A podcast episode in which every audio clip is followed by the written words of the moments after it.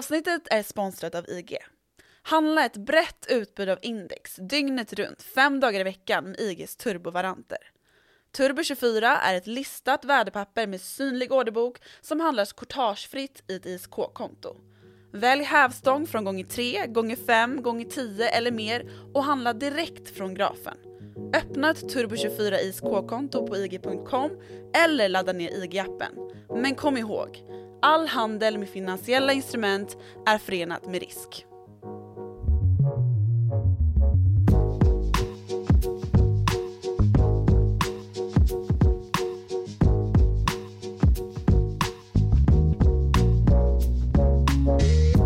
Ända sedan Marco Polos dagar har sagor om landet där solen alltid stiger, den bortre orienten i öst, intresserat och inspirerat drömska västerlänningar. Ibland lite för mycket, vilket lett till stora omvälvande konflikter och blodiga krig i den region som ju blivit vår absolut största tillväxtmotor. Trots det, eller kanske på grund av mytologiseringen av bortre Asien, har vi svårt att förstå tankesätt och utveckling i den här fragmenterade regionen och därför är det dags för Follow the Money som ju är en podcast om makt, storfinans och börsen. Av och med mig, programledare Martin Nilsson och utrikesredaktör Joakim Rönning att ta avstamp för den efterlängtade sommarserie som inleds här och nu och då ta sikte på att gå på djupet om historien, makten och storfinansen i detta Asien. Vi uppmanar alla att spetsa öronen och tillåta sig bli en västerländsk markopolisk drömmare i fyra avsnitt för nu, nu ska vi prata om draken Kina, om det ständigt imperiedrömmande Japan, om balansbrädan däremellan i det delade Korea och hur konfliktytor blivit permanentare in till moderna tiders handelsbord efter århundraden av schismer och påminnelser av blodiga övergrepp. Det blir en resa längs sidenvägar till lands och till sjöss med och mot kommunister med machete i hand under Indokinas krigshärjade djungeltak och ut i superapparnas cyberrymd i Indonesien, Malaysia och Vietnam. Och vi ska såklart också prata om Sydostasiens tigerekonomierna Taiwan, Singapore, Hongkong.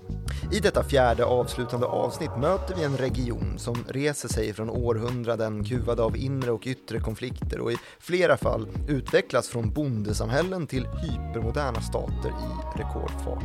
Först och främst, Jocke Rönning, vad är det som gör att det lugnar ner sig i Sydostasien efter förra avsnittet som vi väl slutade med kommunismens fall ungefär? Va? Ja, och precis. Kommunismens fall är det ju det rör sig om. Och kommunismen faller ju lite tidigare här än vad den gör i eh, hela världen. Mm. I Europa så faller ju kommunismen med Berlinmurens fall, kan man väl säga. Eh, 89-90 där. Men här så, om vi ska prata då, i alla fall regionalt i, i Sydostasien så, så faller ju kommunismen Uh, först och främst i Indonesien under uh, utrensningen då som vi avslutade förra avsnittet med som sker då mellan 1965 och 1968, 69 någonting. Mm. Och det är ju då en, en total nedsläckning av kommuni ett kommunistparti där man säkrar makten till militärregimen igen. En general som ska sitta på den och därefter så upprättas då början till det som ska bli ASEAN sen. Och ASEAN är ju då en, en samverkansorganisation som står för Association of Southeast Asian Nations. Och det här kommer väl i, eh, som en motrörelse mot den enda kommunistiska eh, riket som inte faller här? Ja. För Kina växer ju sig starkt under de här åren, jag antar att det är då ungefär. Precis, och det är ju en maktfaktor här och dessutom så har man ju det kommunistiska hotet i eh, först och främst då Vietnam men även i Kambodja. Nu är inte kommunismen längre någonting som man bryr sig så värst mycket om i den här regionen. Nu pratar man ju snarare om ekonomi i lite bredare penseldrag och att det är då kommunism i botten av de här vad ska man säga, kapitalist-socialistiska nationerna som ju både Vietnam och eh, Kina är idag. Mm. Så har man till och med gjort så att man har inkluderat, bjudit in Vietnam som ju nu är en del av ASEAN. Från början så var det ju de här militärjuntorna och de brittiska gamla kolonierna som ju var lite mer välskötta. Alltså Myanmar, då, dåvarande Burma och Malaysia som var med när Filippinerna, Thailand och Indonesien då, de övriga militärjuntorna skapade det som sedermera blev då ASEAN. Vad fyller den för roll idag då? Ja men det är ju lite jämf man kan jämföra det med EU kanske, eh, som ju också bildades i spillrorna av ett världskrig med anledningen av att man ville bidra med en större säkerhet om hur framtiden skulle utveckla sig, att man inte skulle hamna i luven på varandra, att man skulle göra det och genom att börja handla mer. Mm. Det var ju så EU började också, kol och stålunionen, att man började utbyta varor med varandra och så som den gamla McDonalds-teoremet. Ja, precis. Ja, precis. Man vill inte det, det gamla McDonalds-teoremet då att USA har aldrig gått i krig med något land där det finns en McDonalds. Um, lite samma tankegång där då att har vi ekonomiska utbyten med varandra så kommer vi inte vilja eh, gå i krig med varandra och det leder till säkerhet i regionen. Vad är det man skulle kriga om då? Nej men det finns ju fortfarande regionala anspråk på ögrupper och så här mellan Filippinerna och, och Indonesien till exempel och um, ja, mellan alla de här länderna egentligen. Det är ju en stor skärgård alltihop egentligen. Men det har då fått, fått hamna vid sidan av och så för man sådana diskussioner i, med fredliga medel istället för att rida ut i militärmundering och slå ihjäl varandra. Sen så finns det ju naturligtvis också då en, en NATO-variabel här ju, att man vill försäkra sig om att det inte blir en, ett nytt sånt här imperiemakthunger som slår rot i regionen och att det blir nya kväsanden av lokal kultur eller vad man ska säga. Och Sinofobin i den här regionen är ju urstark, tyvärr. Och det har ju naturligtvis lett till att, ja men som i Indonesien till exempel, då vi hade den här kommunistiska utrensningen där 65 till 68, 69.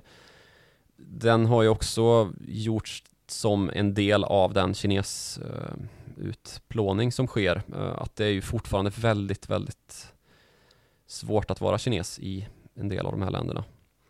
Ehm, och det finns en utbredd, ett utbrett Kina-hat. Så där har vi också naturligtvis en anledning till varför det finns lite av en NATO-variabel i det här upprättandet. Och NATO är ju en organisation som har som enda anledning att försvara västerländska stormakter från Sovjet från början och numera Ryssland. Då. Uh, lite samma här, att uh, du, jag har tänker ett... direkt på, du, jag läser ju ofta dina texter. Det jag läser då är ju, uh, senaste konflikterna i det här området har ju varit väldigt mycket Taiwan. Dels mm. uh, halvledarkomponenten, att de är um, stora där, men också inskränkningarna från Kina. Att det har varit väldigt mycket överflygningar, det har vi pratat om tidigare. Är, är Taiwan med i ASEAN?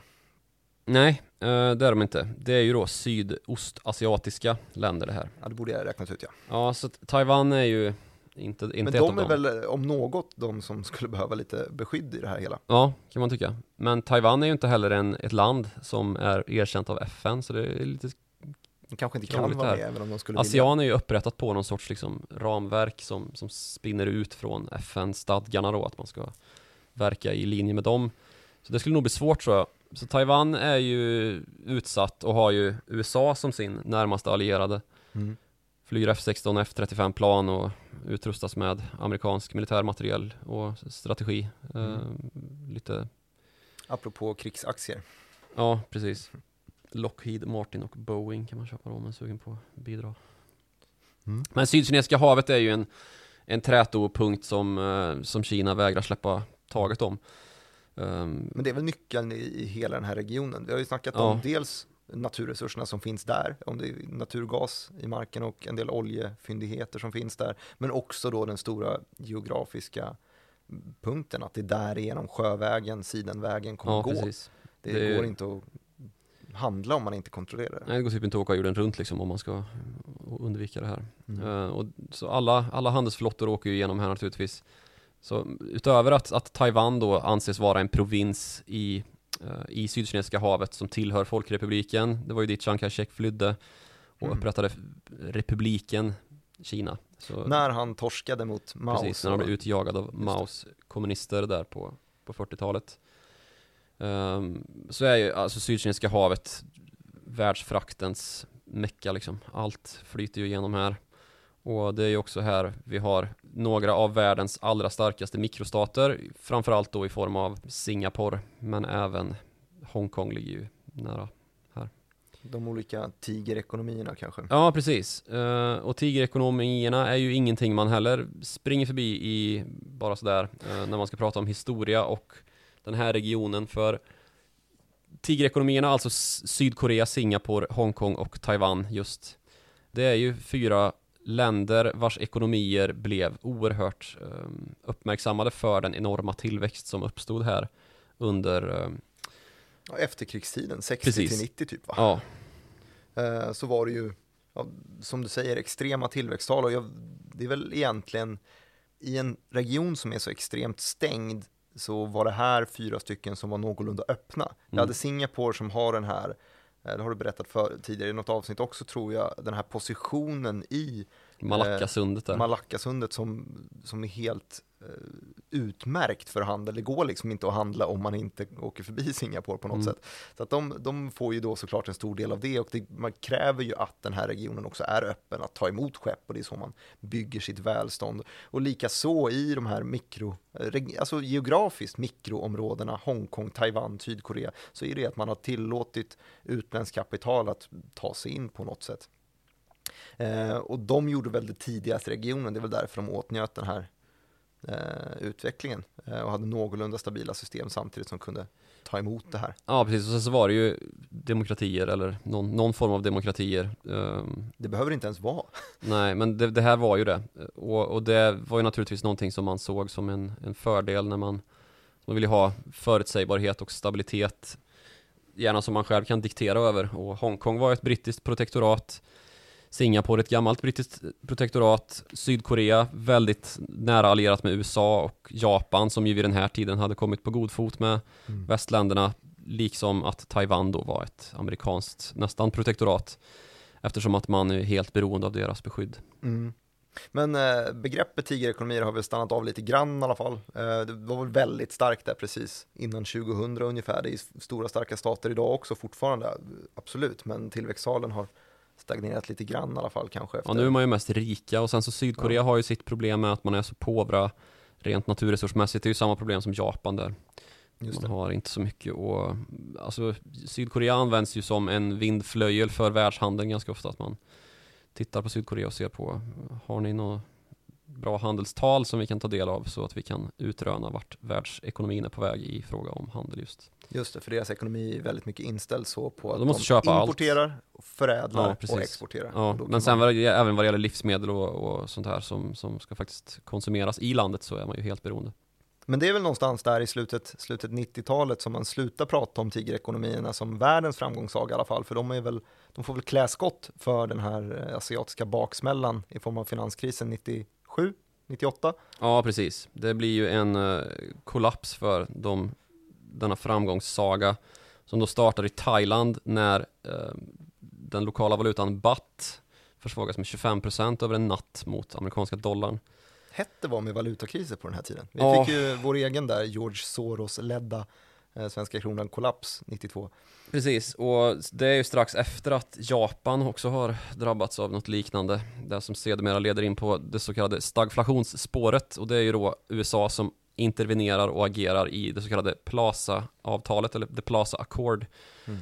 Och det är då en, en lång eh, kampanj som de amerikanska verkstadsbolagen har drivit för att den amerikanska exporten har blivit alldeles för dyr, alltså de har svårt att försvara sig konkurrensmässigt på den öppna, öppna fria världsmarknaden mot utländska bolag. Framförallt japanska som ju har farit fram sen kriget tog slut egentligen. Mm. Och man har ju hjälpts upp på fötter mycket av USA som bombade landet sönder och samman. Eh, både med brandbomber och atomvapen. Så kommer ju den japanska industrin på fötter väldigt ordentligt och kommer ikapp och förbi liksom. Så den tidens Kina som vi pratar om idag ungefär. Man såg på Japan på ett ungefär likadant sätt. Det minns jag från eh, framgångssagan Nike bland annat, att man var väldigt tidig, att man ville över och eh, etablera fabriker i Japan när Ja. det märket skulle växa upp i alla fall. Nu etablerar man ju snarare fabriker någon helt annanstans. Ja, jag snackade med eh, Eh, Mattias Martinsson som är grundare och, och eh, investeringschef på Tundra Fonder. Det är en, en, en fond som, de hade ett par olika nischade fonder, en, en Pakistanfond, en Vietnamfond och så vidare.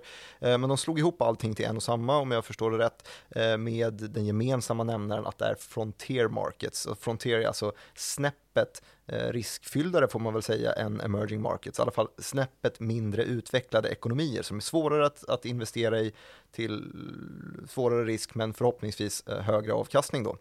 Eh, och han menar ju då att eh, Vietnam har tagit någon form av Ja, det är Vietnam vi pratar om helt enkelt. Ja, exakt. Det var det, det, var det på min Det var fråga. inte Pakistan som jag nämnde, för Eller det vore ju min- märkligt att ta sig till den regionen här. Mm. Nej, Vietnam, absolut. Ehm, och han menade då att den har tagit en tillverkningsposition i och med att man har en helt annan lönesituation där. Det är billigare att tillverka i Vietnam än Kina. Det blir väl så om man har tvåsiffriga tillväxttal under en längre tid att eh, till slut så växer man ju.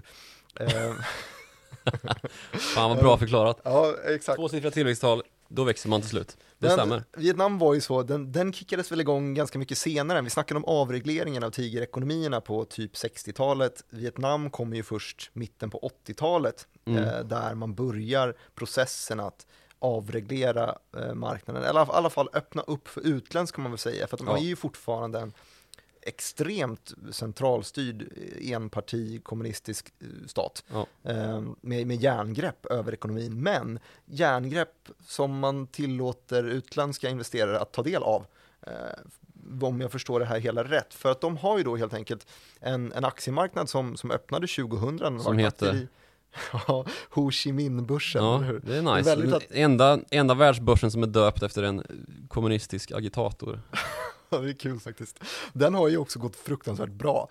Ehm, Men där, där har man ju sådana här märkliga regler som, ja, utländskt ägande är tillåtet men bara upp till 50 procent.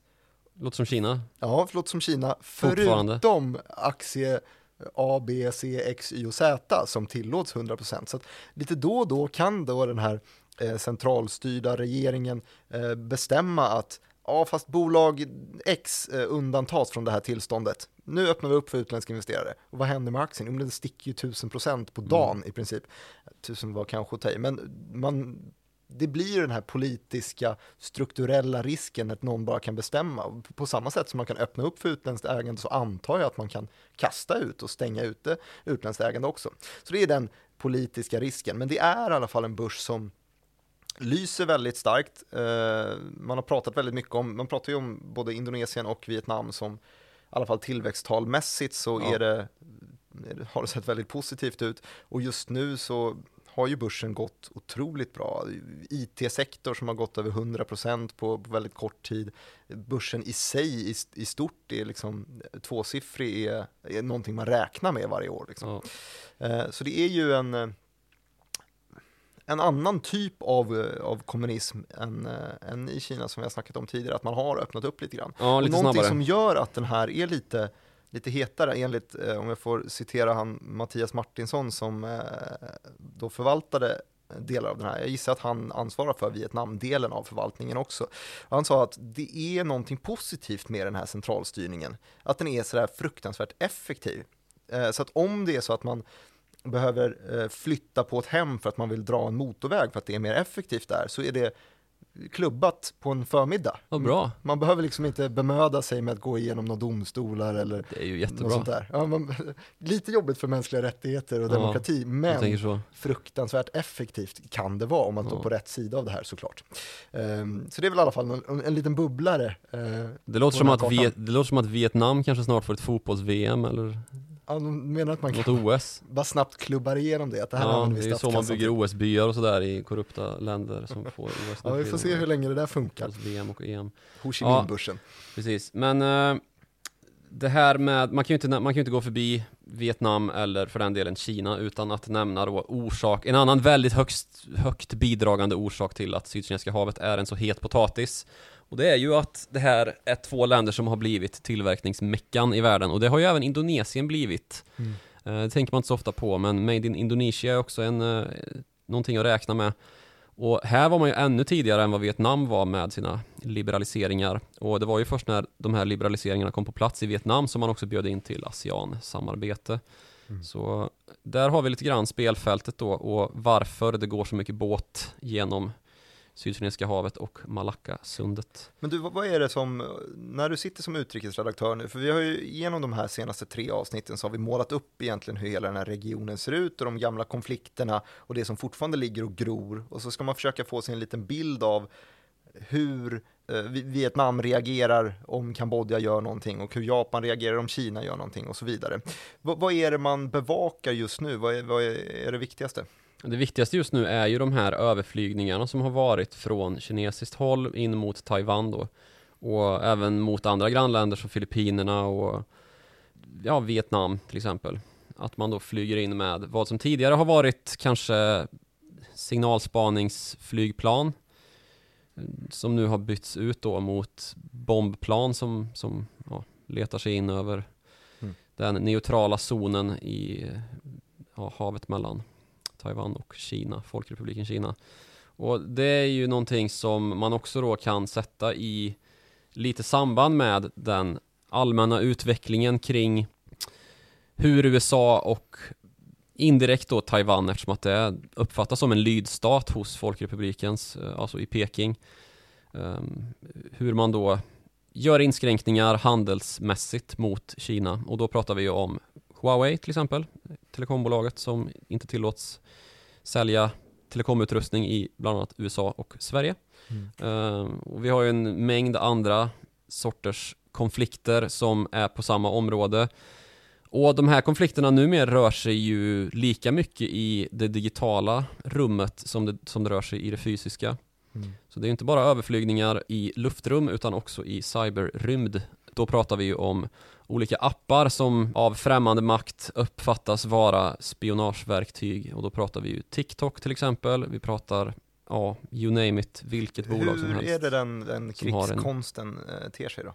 Nej men det är ju mycket, mycket tal om hackningsangrepp nu och om det är så att man kan genomföra angrepp i cyberrymden som är då storskaliga operationer där man samlar in data för ett lands befolkning och sen använder det på något sätt i framtiden. Det är ju där man är rädd för då att man ska samla in identitetsuppgifter och lära sig hur en befolkning agerar, hur en befolkning fattar beslut om olika saker. Det kan ju vara liksom hur man intervenerar i politiska val och sådana här saker som vi har sett redan sker ju. Mm. När uh, amerikanska och brittiska uh, val har utsatts av storskaliga propagandainsatser. Även i andra länder i, i EU. Storbritannien var ju EU-land när det här skedde. Brexitomröstningen till exempel så är det ju någonting som oroar då att man ska kunna komma in och påverka folk utan att de egentligen vet om det via deras eh, digitala upplevelser i olika appar. Det är ju det stora slagfältet just nu och det ser vi ju då i form av, kanske allra tydligast egentligen mellan, mellan Kina och ett annat grannland som inte det här den här sommarserien täcker in, alltså Indien, som, där har man ju dessutom en, en pågående gränskonflikt uppe i de bannlyste ju TikTok helt och hållet. Ja, det bannlyste man ju typ 150 appar eller någonting och kastade ut dem från landets eh, operativsystem. Men man är ju på, där är man ju på Twitter och Facebook och alla möjliga bolag som, som har de... herravälde över den digitala världen för att man inte ska låta sig påverkas då av det som eh, Narendra Modi, alltså premiärminister i Indien, anser vara Indiens version av yttrandefrihet det är en svår, eh, en svår situation på något sätt, de där olika ja, big tech-bolagen som tech-imperialisterna egentligen ja, på något sätt. Jo, för dels verkligen. så för de ju, blir de en krigsskådeplats mellan nationer, men det är också de egna nationerna är ju också precis i lika mycket krig mot Mark Zuckerberg eller, eller vem som helst av de olika fangbolagens ledare, eh, där konkurrensmyndigheter ständigt utreder om eh, om det är någonting som ska göras. Ja. Och här har man ju egentligen en ganska stor uppdelning, om vi ska dra det här tillbaks till, till Asien igen på något sätt, eh, så har vi ju sättet som konkurrensmyndigheter arbetar på i västvärlden är lite olikt sättet som de arbetar på i Kina. Det är någonting som vi har tagit upp under senaste året också, hur eh, jag tänker på när Ant Group skulle Mm. Eh, skulle börsnoteras. Ja, precis, för nu har det ju utbrutit lite, lite av ett, vad ska man säga, inbördeskrig i Kina vad det gäller de här apparna, superapparna som det ju också börjat kallas för. Och det har ju blivit lite av en asiatisk företeelse i den här regionen vi rör, rör oss i just. Mm. Även i Indien såklart, men framförallt här då. Och det här är ju länder där man har hoppat över flera tekniksteg och blivit en, att det har blivit Mobile first helt enkelt. Många har fått sin första nytta av internet, inte i en PC utan i en telefon. Och då har det ju också utvecklats ett, ett mycket starkare ekosystem av appar som har en mångfald som inte vår del av världen ser riktigt. Vi ser ju försök då till exempel att Facebook har försökt integrera olika, alltså det, från början var det mest av allt ett forum eh, med privata sidor. Sen blev det också en bild och filmapp och ja. Man kan facetima varandra. Precis, och meddelandetjänster och så här. Och sen så har man köpt upp då till exempel Instagram som ju bara är en bild och rörligt media-app. Mm. För att konkurrera då med Snapchat och TikTok vad det led liksom. Vi har ju liknande då i Kina och Singapore och Malaysia och Indonesien, men här är det mer i riktningen att ett bolag integrerar alla funktioner i en och samma app. Gojek till exempel har vi eh, en app då som integrerar allt från liksom sociala medier till e-handel, all form av e-handel. Du kan köpa liksom livsmedel till biobiljetter och kläder och få dem hemkörda som Uber Eats eller eh, Foodora eller Just Eat eller vad, vad, du vill. Och en sån här variant av den här appen finns i princip i varenda land här. Är det det som är definitionen på superappar? Ja. Just att man kombinerar allting i ett och samma? Exakt. Och i och med att man gör det så blir då den, den appen som, som växer sig störst, som flest använder, den kommer få en jäkla maktposition. Ja. Att kunna bestämma just vad, vilka varor man ska erbjuda och vilken av de här konkurrenterna som du nämnde, Uber Eats eller Foodora eller Just Eat som kommer Precis. få beställningen. Ja, exakt. Men här är det då att det är Gojek som, som sköter leveransen också. Så det, det, är bara en app och ett, ett bolag som sköter alltihop då. Och, så det blir ju en oerhörd dominans på de här marknaderna. Och det finns liknande då, Grab till exempel, som ju är, ja men allt. Uber och Just Eat och meddelanden och allt Meddelanden, alltså We, WeChat, samma sak i Kina, att man försöker liksom integrera allt och ta så stor marknadsandel som möjligt. Samma med Alibaba ju.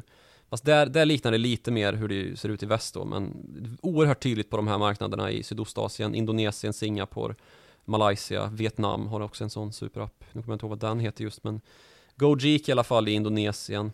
Alltså de här, de här bolagen, Gojek och dylikt, det har ju blivit ländernas största bolag liksom för att de är så, de tar sånt herravälde över den digitala verkligheten i de här länderna då. Och alla använder dem till allt i princip. Och en anledning till det är att, som sagt, man har hoppat över många tekniksprång, men man har kanske gjort det med en billigare teknik. Alltså, man har, eh, ens första telefon kanske inte har varit den nyaste versionen av iPhone och därför har man kanske haft lite snålare med utrymme.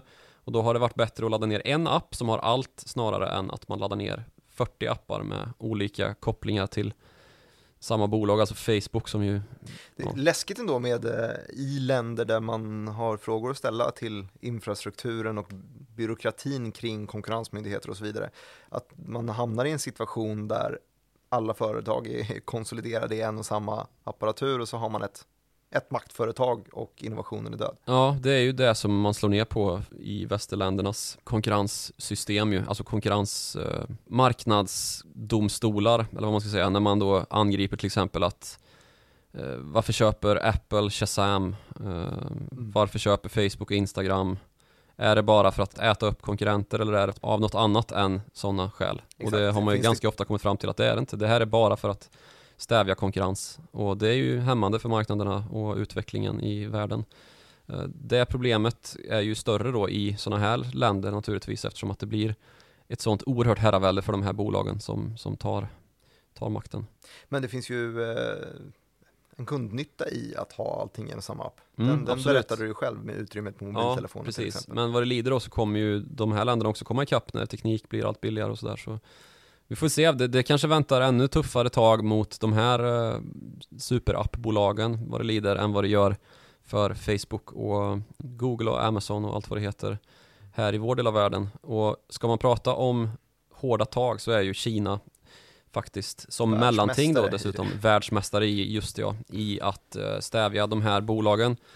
Uh, vi har här under sommarens inledning haft en ganska så uppmärksammad händelseutveckling bland flera bolag i den digitala sfären i Kina som, som då som bolag på väg till börsnotering eller som nynoterade där man då har blivit nedsablade av olika myndigheter i Kina. Bland annat har vi ju den här händelseutvecklingen kring Ant Group, eh, fintechbolaget som, som tillhör Alibaba-sfären, som ju har blivit eh, stoppade från börsnotering. Det var väl i slutet på 2020 eller början på 2021 det inträffade.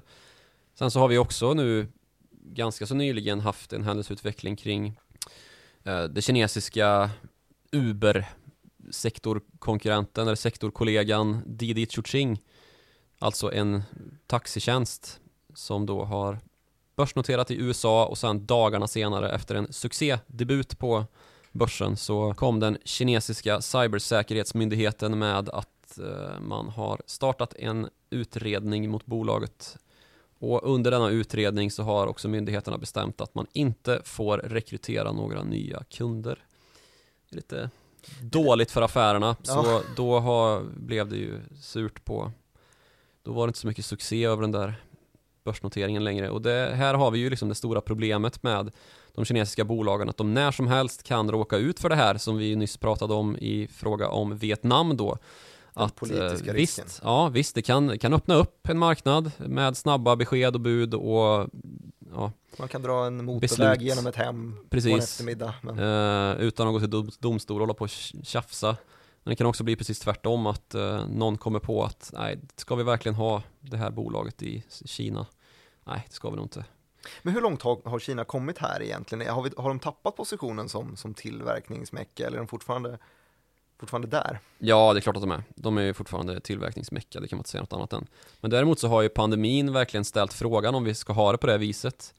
Är det verkligen smart att vi har alla leverantörskedjor riktade ner mot Sydostasien? Eller Sydostasien är ju inte Kina, men den här trakten då med Sydkinesiska havet som ju är så himla rörigt dessutom med provinsiella och regionala konflikter och den här ständiga eh, maktanspråket från Kina som ju har dragit gränslinjen på ett helt absurt sätt intill Alltså att Vietnam får några sjömil ut från sin egen kust och resten ska vara Kina trots att det inte finns någon liksom landmässig barriär ner mot dit. Och så hävdar man att det finns något, någon gammal dynasti som ju hade makten över Nordvietnam. Så det är klart att man har, har liksom traditionella anspråk hit ner. Eh, ganska liksom absurda påståenden som, som ju inte som ju är svår att förlika sig med för världssamfundet när det kommer till till en modern tolkning av vad, vad nationalstater och, och gränsdragningar ska, ska gå ut på liksom. Så har man ju börjat ifrågasätta då om vi kanske ska sätta våra halvledarfabriker till exempel närmare hemma, alltså i USA och Europa. Och det lutar väl åt att det blir så nu. Eh, TSMC som väl är världens viktigaste bolag ihop med några andra viktiga i den leveranskedja som utgörs då av chip som vi behöver till allt numera. Ska vi verkligen ha tillverkning som är så beroende av att vi måste kunna få ut det ur Taiwan som är en, enligt Folkrepubliken eh, Kina en provins som man har anspråk på och som man till slut kommer ta över med våld om det så krävs. Ska vi verkligen ha det på det viset undrar ju många politiker och nu har det ju verkligen dragit igång liksom satsningar där TSMC eh, öppnar för att man ska ja, inte kanske flytta tillverkning men i alla fall utveckla fabriker även på, på annan ort närmare industrier i Europa och USA. Till exempel.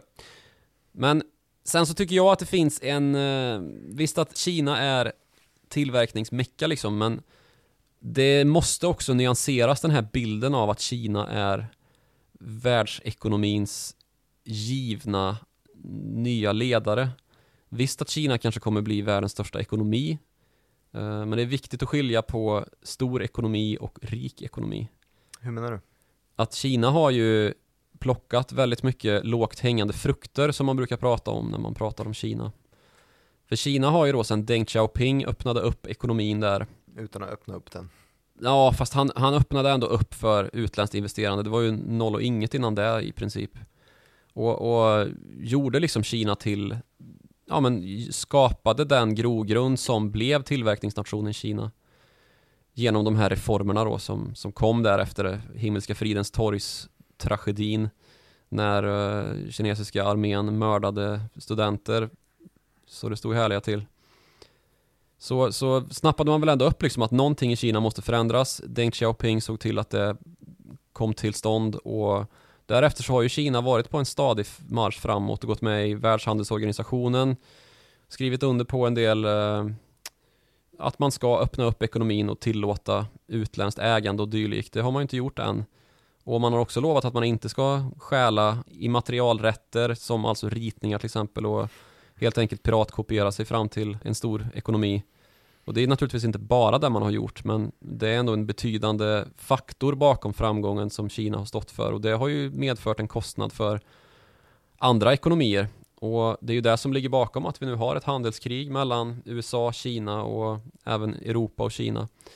Som ju har fortsatt efter Donald Trump som ju drog igång det ordentligt. Och det är ju någonting som han har fått beröm för. Inte bara av eh, sina allra närmaste republikanska knähundar utan också från en del demokrater som tycker att Kina kan inte hålla på ungefär. Mm. Men som sagt, Kina är trots att man då har haft helt enorma tillväxttal tydligt nått piken och är långt förbi piken till och med. Och även om tillväxttalen skulle kunna fortsätta hållas uppe över 5% så skulle det dröja väldigt, väldigt länge innan man nådde upp i välstånd och då pratar vi om BNP per capita. Västvärlden kommer med sina trots allt jättelåga tillväxttal för vi, här har vi ju jättesvårt att, att få upp tillväxten.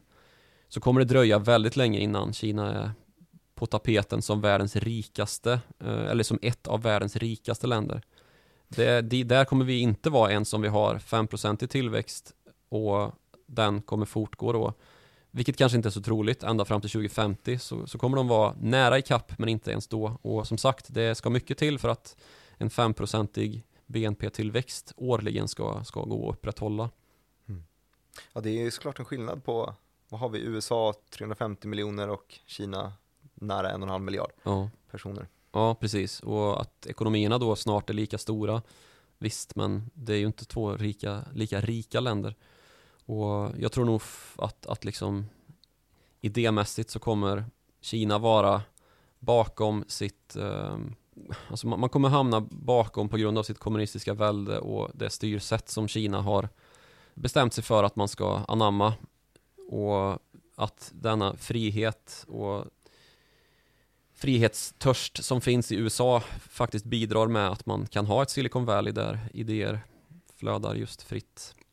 Och att man eh, kommer få fortsätta ha den rollen och att samtidigt då Taiwan står för, fria Taiwan står för den typen av eh, framgångar i kinesisk form. Ja, de kan ju också faktiskt växa genom förvärv, är det många företag som gör, även så länder. Så du tänker att Kina växer via förvärvet Taiwan? Ja, ja lite det, så. Det, det är ju den mest skrämmande den mest skrämmande utvecklingen som, som man eh, har i bakhuvudet när man pratar om Sydkinesiska havet och konflikterna där och de militära allt mer aggressiva överflygningarna som ju inte bara ska lastas Kina naturligtvis. Vi har ju också en upptrappning i form av att USA går in och så fort eh, någonting sker ska, ska liksom eh, visa musklerna och göra någon insegling eller samma sak med att man har missilförsvarssystem både här och där i hela, hela regionen.